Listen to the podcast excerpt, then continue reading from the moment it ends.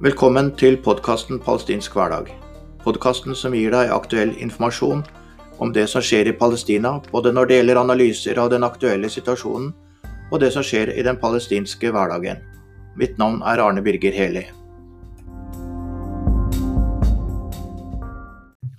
I denne episoden skal vi se litt nærmere på den israelske hæren og hvordan den opererer, i lys av det som nettopp har skjedd, det tragiske drapet på Sharin Abu Akhle. For oss som har fulgt den israelske okkupasjonen noen år, er ikke mordet på Shirin Abu Akhle så veldig overraskende.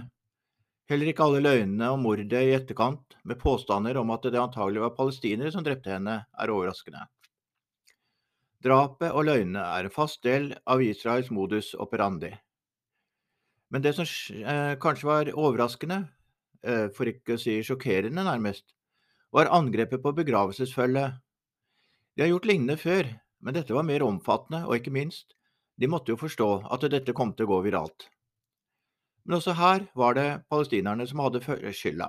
Ifølge NRK, som jo lydig gjengir alt Israel påstår, så var det israelske angrepet mot gravfølget for å hindre at kista ble overtatt av en mobb. Og nettopp dette, både drapet, løgnene og angrepet på begravelsesfølget, sier mye om Israels tanker om seg sjøl, at de er uangripelige, at uansett hva de gjør, vet de at de slipper unna. Og det handler ikke om at man nødvendigvis vil vi skal tro på dem, men at det skaper en uvisshet, og at hensikten er oppnådd når NRK gjengir en helt åpenbar løgn. Verdenssamfunnet beklager, ja til og med fordømmer, men i morgen går livet videre, og ingenting skjer. Jeg tenkte jeg skulle begynne med en historie. Det er historien om Eyed Halak. Eyed ble 32 år. Han var palestiner, hadde autisme og andre funksjonshemninger. Dagsenteret han gikk til hver dag i gamlebyen i Jerusalem, hadde endelig åpnet etter å ha vært koronastengt, noe Eyed var veldig glad for. Han hadde etter hvert forstått at de israelske soldatene han alltid måtte passere på vei til dagsenteret, ikke var ute etter ham. Men denne dagen endret alt, og endte også Fayyad sitt, sitt liv. Soldatene var likevel ute etter ham. En fra dagsenteret, som hver dag gikk for å møte ham, hørte plutselig noen rope terrorist, terrorist, og deretter flere skudd. Hun gjemte seg i et lite lager rett ved da Ayad kom vaklende inn og falt om foran henne, fulgt av flere soldater. Sjokkert ropte hun både på arabisk og hebraisk at Ayad var funksjonshemmet, og de måtte ikke skyte ham. Hun ble brutalt skjøvet unna og en soldat skjøt Ayad i brystet med tre skudd fra kloss hold. Da hun fra dagsenteret fortvilet prøvde å stoppe blødningene, ble hun dratt vekk og kjørt til politistasjonen for avhør. Soldatene dro så hjem til Ayad. De sa ingenting til foreldrene hans om at han var skutt og drept, krevde bare husundersøkelse. De forskremte foreldrene forsto først at noe var helt galt. Da soldatene skulle gå, uten å ha funnet noe som helst, selvfølgelig, spurte når begravelsen skulle være. Soldaten som skjøt, ble først tatt inn til forhør, og så fikk han husarrest inntil videre. Men Israel er en rettsstat, så denne triste historien, den måtte jo undersøkes. Soldaten som skjøt, trodde Eyad var terrorist, fordi han hadde hansker og ikke ordre om å stoppe. Han var nettopp ferdig med grunnkurs som soldat og altså litt uerfaren, da.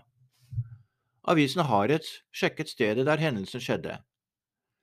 Mellom sjekkpunktet ved løveporten i Jerusalems gamleby og drapsstedet, et par hundre meter bortenfor, fant avisen hele ti kameraer. Da avisa sjekket med politiet, viste det seg at de fleste tilhørte nettopp politiet, og noen var private, blant annet på selve drapsstedet. Men uheldigvis, ingen av dem virka akkurat denne dagen. Så nå lukker man saken, det blei for vanskelig å finne ut av. De siste 20 årene er over 2200 palestinske barn under 18 år drept av eh, israelere, for det aller meste av soldater. 20.11.2021 la 16 år gamle Omar Saab igjen en beskjed hjemme. Husk meg, sto det bare. Deretter gikk han ut i Jerusalems gamleby, bevæpnet med en kniv. Der angrep han to soldater bakfra. De skjøt og drepte han umiddelbart, Israelske soldater har full kampbekledning, skuddsikre vester, kne- og albuebeskyttelser, hjelmer og militærstøvler, og maskinpistol, batong og kniv. En unngått med kniv utgjør selvsagt ikke noen dødelig fare for disse soldatene. Men soldatene ble i mediene framstilt som helter. De tok ut en terrorist og forhindret en katastrofe. I Israel blir man helt når en dreper en nærmest ufarlig unggutt. 30. juli i fjor har Gideon Lavi et essay i avisa Haaretz. Overskriften var Mediene gjesper mot den israelske hærens dødsskvadroner. I løpet av ei uke ble fire palestinere drept, en 17-åring og en 20-åring under en begravelse. Merk det som vi har sagt før, angrep på begravelser har skjedd før. En rørlegger, og den siste som ble drept, var en gutt på tolv år. Han satt i en bil sammen med faren og to søsken som satt i baksetet. Da bilen møtte en veisperring med soldater, begynte faren å rygge for å finne en annen vei. Det vakte mistanke. Prøvde fyren å stikke av? En skuddsalve mot bilen smadret frontruta og traff tolvåringen, som ble drept momentant. Ingen reagerer. Å drepe en palestiner gjøres fordi man kan, skriver Levi. Det får ingen konsekvenser. Å drepe er et alternativ. Det er antagelig ingen steder i verden soldater dreper så mange ubevæpnede sivile som israelske soldater i Palestina, om en ser bort fra rein krig. Det som skiller de israelske drapene fra drap begått av soldater andre steder i verden, er at det er så mange barn som drepes og såres. Det er sjelden eller aldri vi kan se i medier at i et eller annet land som vi ikke liker, at det drepes en tolvåring som sitter i farens bil der det ikke på noen måte kan hevdes at det har skjedd noe i forkant som kan forsvare en så alvorlig handling. Noe av det mest opprørende er at soldatene hindrer hjelp til personer de har skutt.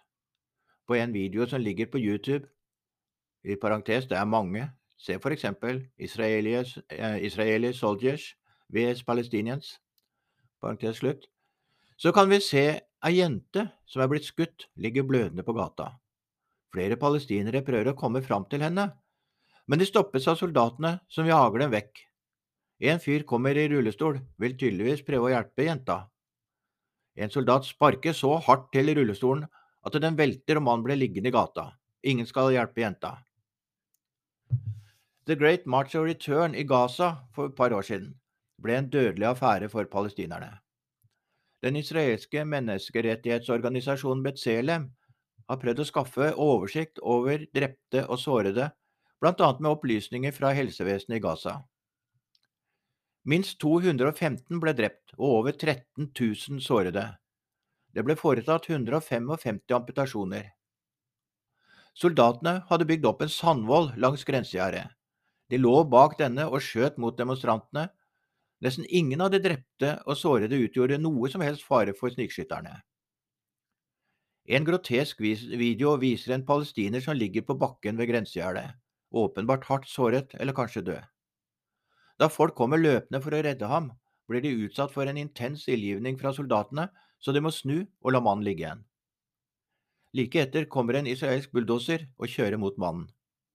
Det er vanskelig å se om han blir overkjørt eller ikke, men det ender med at bulldoserføreren bruker grabben. Han lirker grabben under mannen og heiser han opp og der henger og dingler han som et dyrekadaver og blir kjørt bort.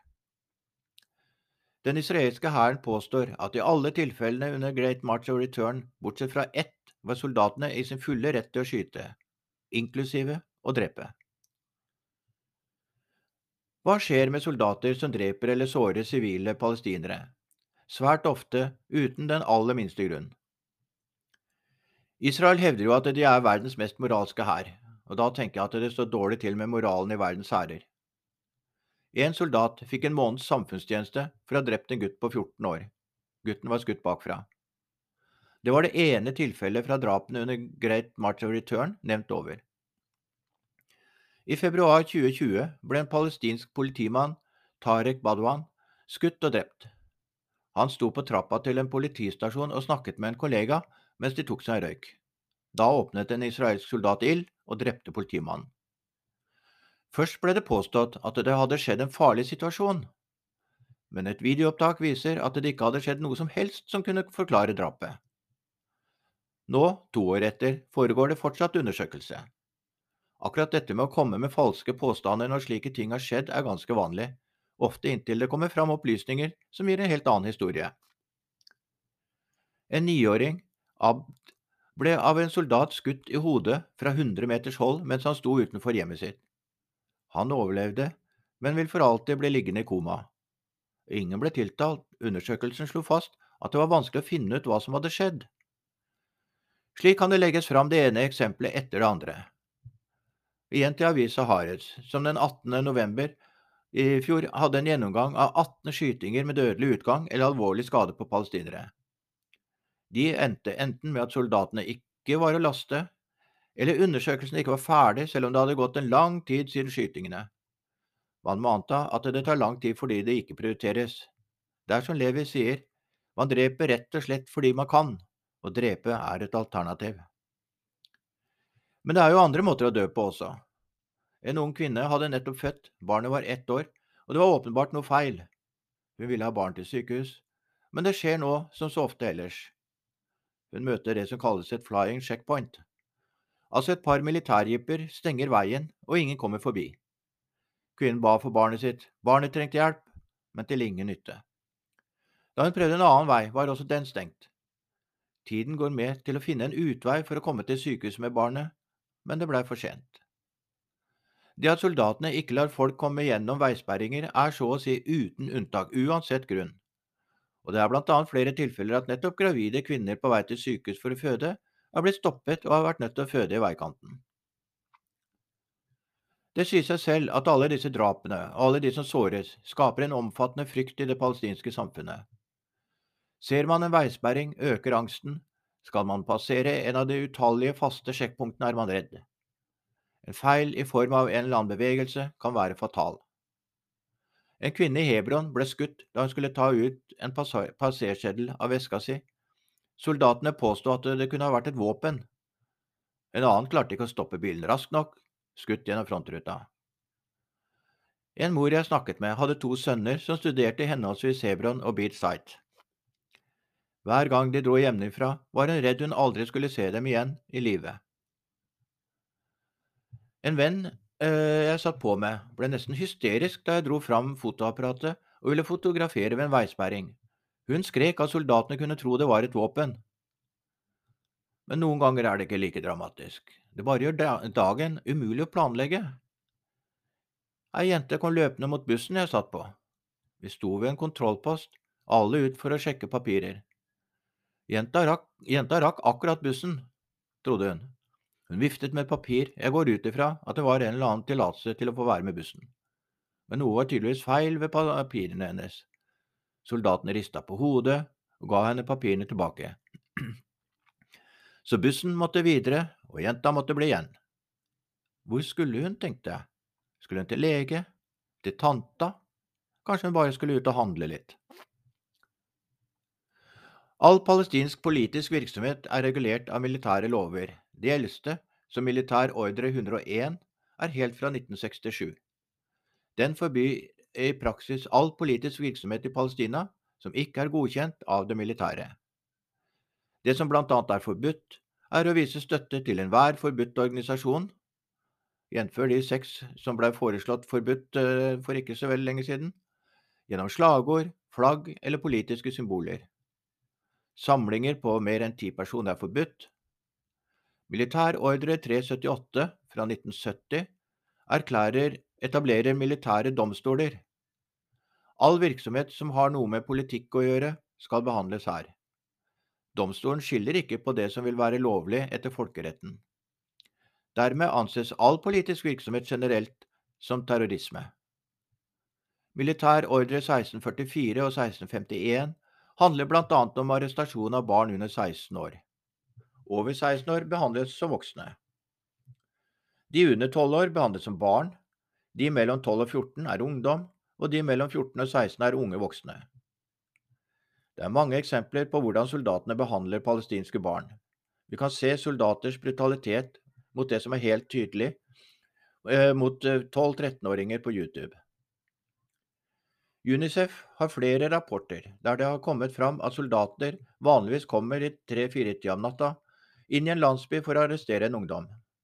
De går brutalt til verks ved at barnets håndledd blir stripset sammen, så blir de slengt inn i en jeep og kjørt bort. Vanligvis får ikke foreldrene vite hvor barnet fraktes. Under forhør har ikke barnet noen rettigheter i form av forsvarer eller en voksen bisitter, de har helt overlatt soldatene. Nå sitter 170 barn under 18 år i israelske fengsel. Et alvorlig brudd på folkeretten er militær ordre 1651. Ifølge denne har en militær kommandant lov å utstede noe som heter administrativ forvaring. Dette gir fullmakt til å fengsle en person uten at vedkommende stilles for noen rett. Vedkommende har ikke rett til forsvar eller får vite hva anklagene går ut på. En slik administrativ forvaring gis for seks måneder om gangen, og det er ingen grense for hvor mange slike seksmånedersperioder som kan ilegges. Nå sitter hele 500 fanger i slik administrativ forvaring. Ifølge Adamer, en av organisasjonene som Israel ønsker å forby, sitter det nå over 4500 eh, palestinske fanger i israelske fengsler. Mange av dem sitter fengslet inne i Israel. Ifølge folkeretten er dette forbudt, Slike fanger skal sone i det landet de tilhører. Dette betyr også i sin tur at det er veldig sjelden at de får besøk av familie, ettersom det er så vanskelig for en palestiner å få innreisetillatelse til Israel. I Area C etter uh, Oslo-avtalen, altså de 60% av Vestbredden som Israel i praksis har annektert, bor det over 400 000 mennesker i de ulovlige bosettingene. La oss se på dette. Convention 4 Relative to the Protection of Civilian Persons in the Time of War, Geneva, August 12, 1949. Deportations, transfers, evacuations. The occupying power shall not deport, uh, deport or transfer parts of its own civilian population into the territory it occupies. Det Israel gjør, er helt åpenbart brudd på folkeretten. Klarere enn det som er sitert her, er det ikke mulig å gjøre. Så hvordan møter de dette? Ofte hevder de at de ikke flytter israelske borgere til Palestina, de drar dit selv. Det er jo selvsagt en helt meningsløs påstand. Ingen av disse menneskene kunne ha bodd der, hadde ikke staten Israel bygd veiene, husene, lagt inn strøm, vann og kloakk, og hadde de ikke hatt israelske soldater til å passe på seg så man kan gjerne kalle bosetterne for sivile okkupanter, og det er disse som er hovedproblemet i forholdet mellom Palestina og Israel. Det er på grunn av disse bosettingene at Palestina i det hele tatt er okkupert. Israel okkuperer jo ikke Palestina for moro skyld. Det handler her, som i all annen okkupasjon, om land og ressurser. Når en reiser rundt i Palestina, er bosettingene nærværende og konsekvensene av dem overalt. Det hevdes at bosettingene kun legger beslag på noen prosent av Vestbredden, men man kan ikke bare se på det konkrete landområdet som beslaglegges. Fra Israel og til bosettingene og mellom dem er det en rekke veier palestinere ikke har lov til å bruke. Der en settlervei krysser en palestinsk, stenges den palestinske. Resultatet er at mange landsbyer nå har mye lengre vei til byer og naboer enn de hadde før. I tillegg har man den ulovlige muren som skjærer gjennom det palestinske landskapet og hindrer mange bønder i å bruke jorda si. Og som kjent, alle vannressurser skal til Israel. Men verst er selvsagt alle de militære installasjonene, eller sikkerhetstiltakene som det kalles. Altså for de ulovlige okkupantene, selvfølgelig. Gjerder og murer er det nesten overalt. Det er sjekkpunkter med all den frykt de skaper, og det er flying checkpoints som gjør det umulig å planlegge noe fordi en vei man vanligvis bruker, plutselig er stengt. Treffer en på en slikt sjekkpunkt, får man aldri svar på når det åpnes igjen. Soldatene svarer bare at de følger ordre. Men det mest skremmende for palestinerne, ved siden av soldatene, er alle de voldelige jødiske ekstremistene som holder til i bosettingene. De trakasserer barn på vei til skolen, de setter fyr på palestinske avlinger og oliventrær, og de angriper fysisk palestinere. Ofte opererer de i lag med soldatene, der soldatene bivåner overgrepene. Det finnes en video der en bosetter skyter mot palestinere og får ammunisjon av en soldat som står ved siden av ham. Også inne i palestinske byer settes det opp sjekkpunkter, og det gjennomføres stadige razziaer. Særlig er Hebron, Palestinas største by, utsatt. Her er byen delt opp i soner, og innbyggerne må ha forskjellige tillatelser for å bevege seg ut og inn av sonene, som er atskilt med omfattende sikkerhetsgjerder og eh, sjekkpunkter. Hebron er på mange måter et brennpunkt i okkupasjonen. Her har bosetterne klart å etablere seg i andre etasje i flere bygninger langs en av byens markedsgater. Herfra hiver de gjenstander og søppel ned på markedsbodene under, så selgerne har satt opp et nettingverk over gata for ikke å bli skadet eller få varene ødelagt. Natta til 31. juli 2015 skjedde en terrorhandling som man må til og med kunne lese om her i Norge. Landsbyen Doma har rundt 3000 innbyggere og er omgitt av tre bosettinger. Innbyggerne har opplevd mye trakassering fra disse bosettingene hvis innbyggere tilhører forskjellige ekstremistgrupper. Det handler om at de har hogd ned oliventrær og ødelagt bøndenes vannsystemer. For palestinerne å klage til politiet er selvsagt nytteløst. I alle konflikter mellom palestinere og israelere er det israelsk politi som skal etterforske saken og kommer noe for retten, er det som vi har hørt før, israelsk militærrett som skal behandle saken etter israelske militærlover. Palestinsk politi har ingen myndighet i Palestina i slike saker, så ekstremister har fri adgang. Den, de, den brukte de denne natta den 15. juli 2015. De snek seg fram til det beskjedne huset til familien Dawache. Der så mor og far og to små barn. Da de var fremme, kasta de en brannbombe inn gjennom soveromsvinduet. Det skjedde en nærmest eksplosjonsaktig brann. En av innbyggerne forteller at naboene hørte det og løp bort til huset. Det sto i full fyr. Ut kom moren, sterkt forbrent. De fikk slukke flammene på henne. Faren kommer også brennende ut. I den ene hånda hadde han en bylt, og han skrek til de som sto utenfor, Redd babyen! Men i kaoset hadde barnet falt ut, og det brant i hjel inne i huset. Gutten på fire kom seg også ut, men med store brannskader. De tre overlevende ble til slutt frakta til sykehus, der både mor og far døde etter en tids sykeleie. Bare fireåringen hadde overlevd terrorhandlingen. Jeg spurte han jeg snakka med om det var noen grunn til terrorhandlingen, var familien involvert i noe? Nei, svarer han. De gjorde det fordi at de hater oss. Tre menn var identifisert fra en av bosettingene. Dette prøvde innbyggerne å si til politifolkene, som etter hvert dukket opp. De var ikke så veldig interessert. Folk som mente å ha opplysninger, ble bedt om å komme til den israelske politistasjonen. Men palestinere går ikke til noen israelsk politistasjon. Man kan aldri vite hva som kan skje der. Hendelsen vakte selvsagt enorm oppmerksomhet, og til og med Netanyahu virka opprørt. To av de tre ble senere dømt for handlingen. Den tredje var under kriminell lavalder. Ok, altså, hvis han hadde vært palestinsk og ikke jødisk, da hadde han jo blitt dømt, selvfølgelig. 19.11. i fjor innkalte forsvarsminister Benny Gantz til møte med et utvalg sikkerhetsfolk. Bakgrunnen var bekymring for den økte volden fra bosettere mot palestinere. Slike hendelser hadde økt med hele 150% fra 2019 og til så langt i 2021. Mye av dette ble filmet og lagt ut på sosiale medier. Dette førte igjen til mye oppmerksomhet, også negativ, annet ved at utenlandske ambassadører ofte uttrykte bekymring over den overfor den israelske regjering. Og i mange tilfeller kunne man se soldater som mer beskyttet de jødiske ekstremistene enn de angrepne palestinerne. Det hadde festnet seg et inntrykk av at de militære kommandanter unnlot å involvere seg overfor soldatene av frykt for reaksjon fra vanlige israelere med beskyldninger om at de beskytta terrorister. Nå mente forsvarsministeren at man i større grad måtte ta all denne volden på alvor. Men statsminister, eh, statsminister Naftan, eh, Naftani Bennett tar tydeligvis ikke forsvarsministeren bekymringer på alvor. For bare noen dager seinere gikk han ut og mente at settlernes vold var ubetydelig.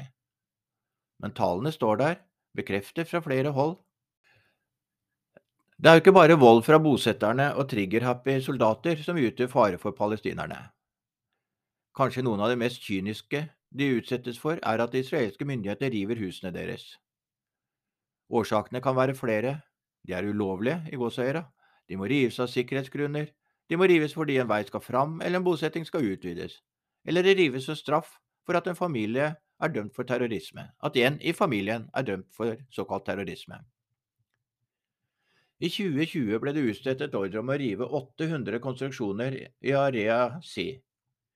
I perioden 2010 til 2020 ble det revet over 7000 konstruksjoner, de fleste var bolighus, noe som førte til at 11 000 mennesker ble hjemløse. De aller fleste rives i Area C, og de som mister hjemmene sine, må flytte inn i Area A. Det er på disse 20% av Vestbredden Israel ønsker å samle alle palestinere som bor i Area C, sammen med de som bor i A fra før av. Det er fordi de hater oss. Dette svarte altså innbyggeren i Doma der spurte om det var noen grunn til at jødiske terrorister kastet en brannbombe inn i huset til familien Davashe. Det sier mye om hvordan mange palestinere opplever israelere. For dem finnes det to typer israelere enten som okkupasjonssoldater eller som bosettere. Begge utgjør en daglig fare og trussel mot enhver palestiner.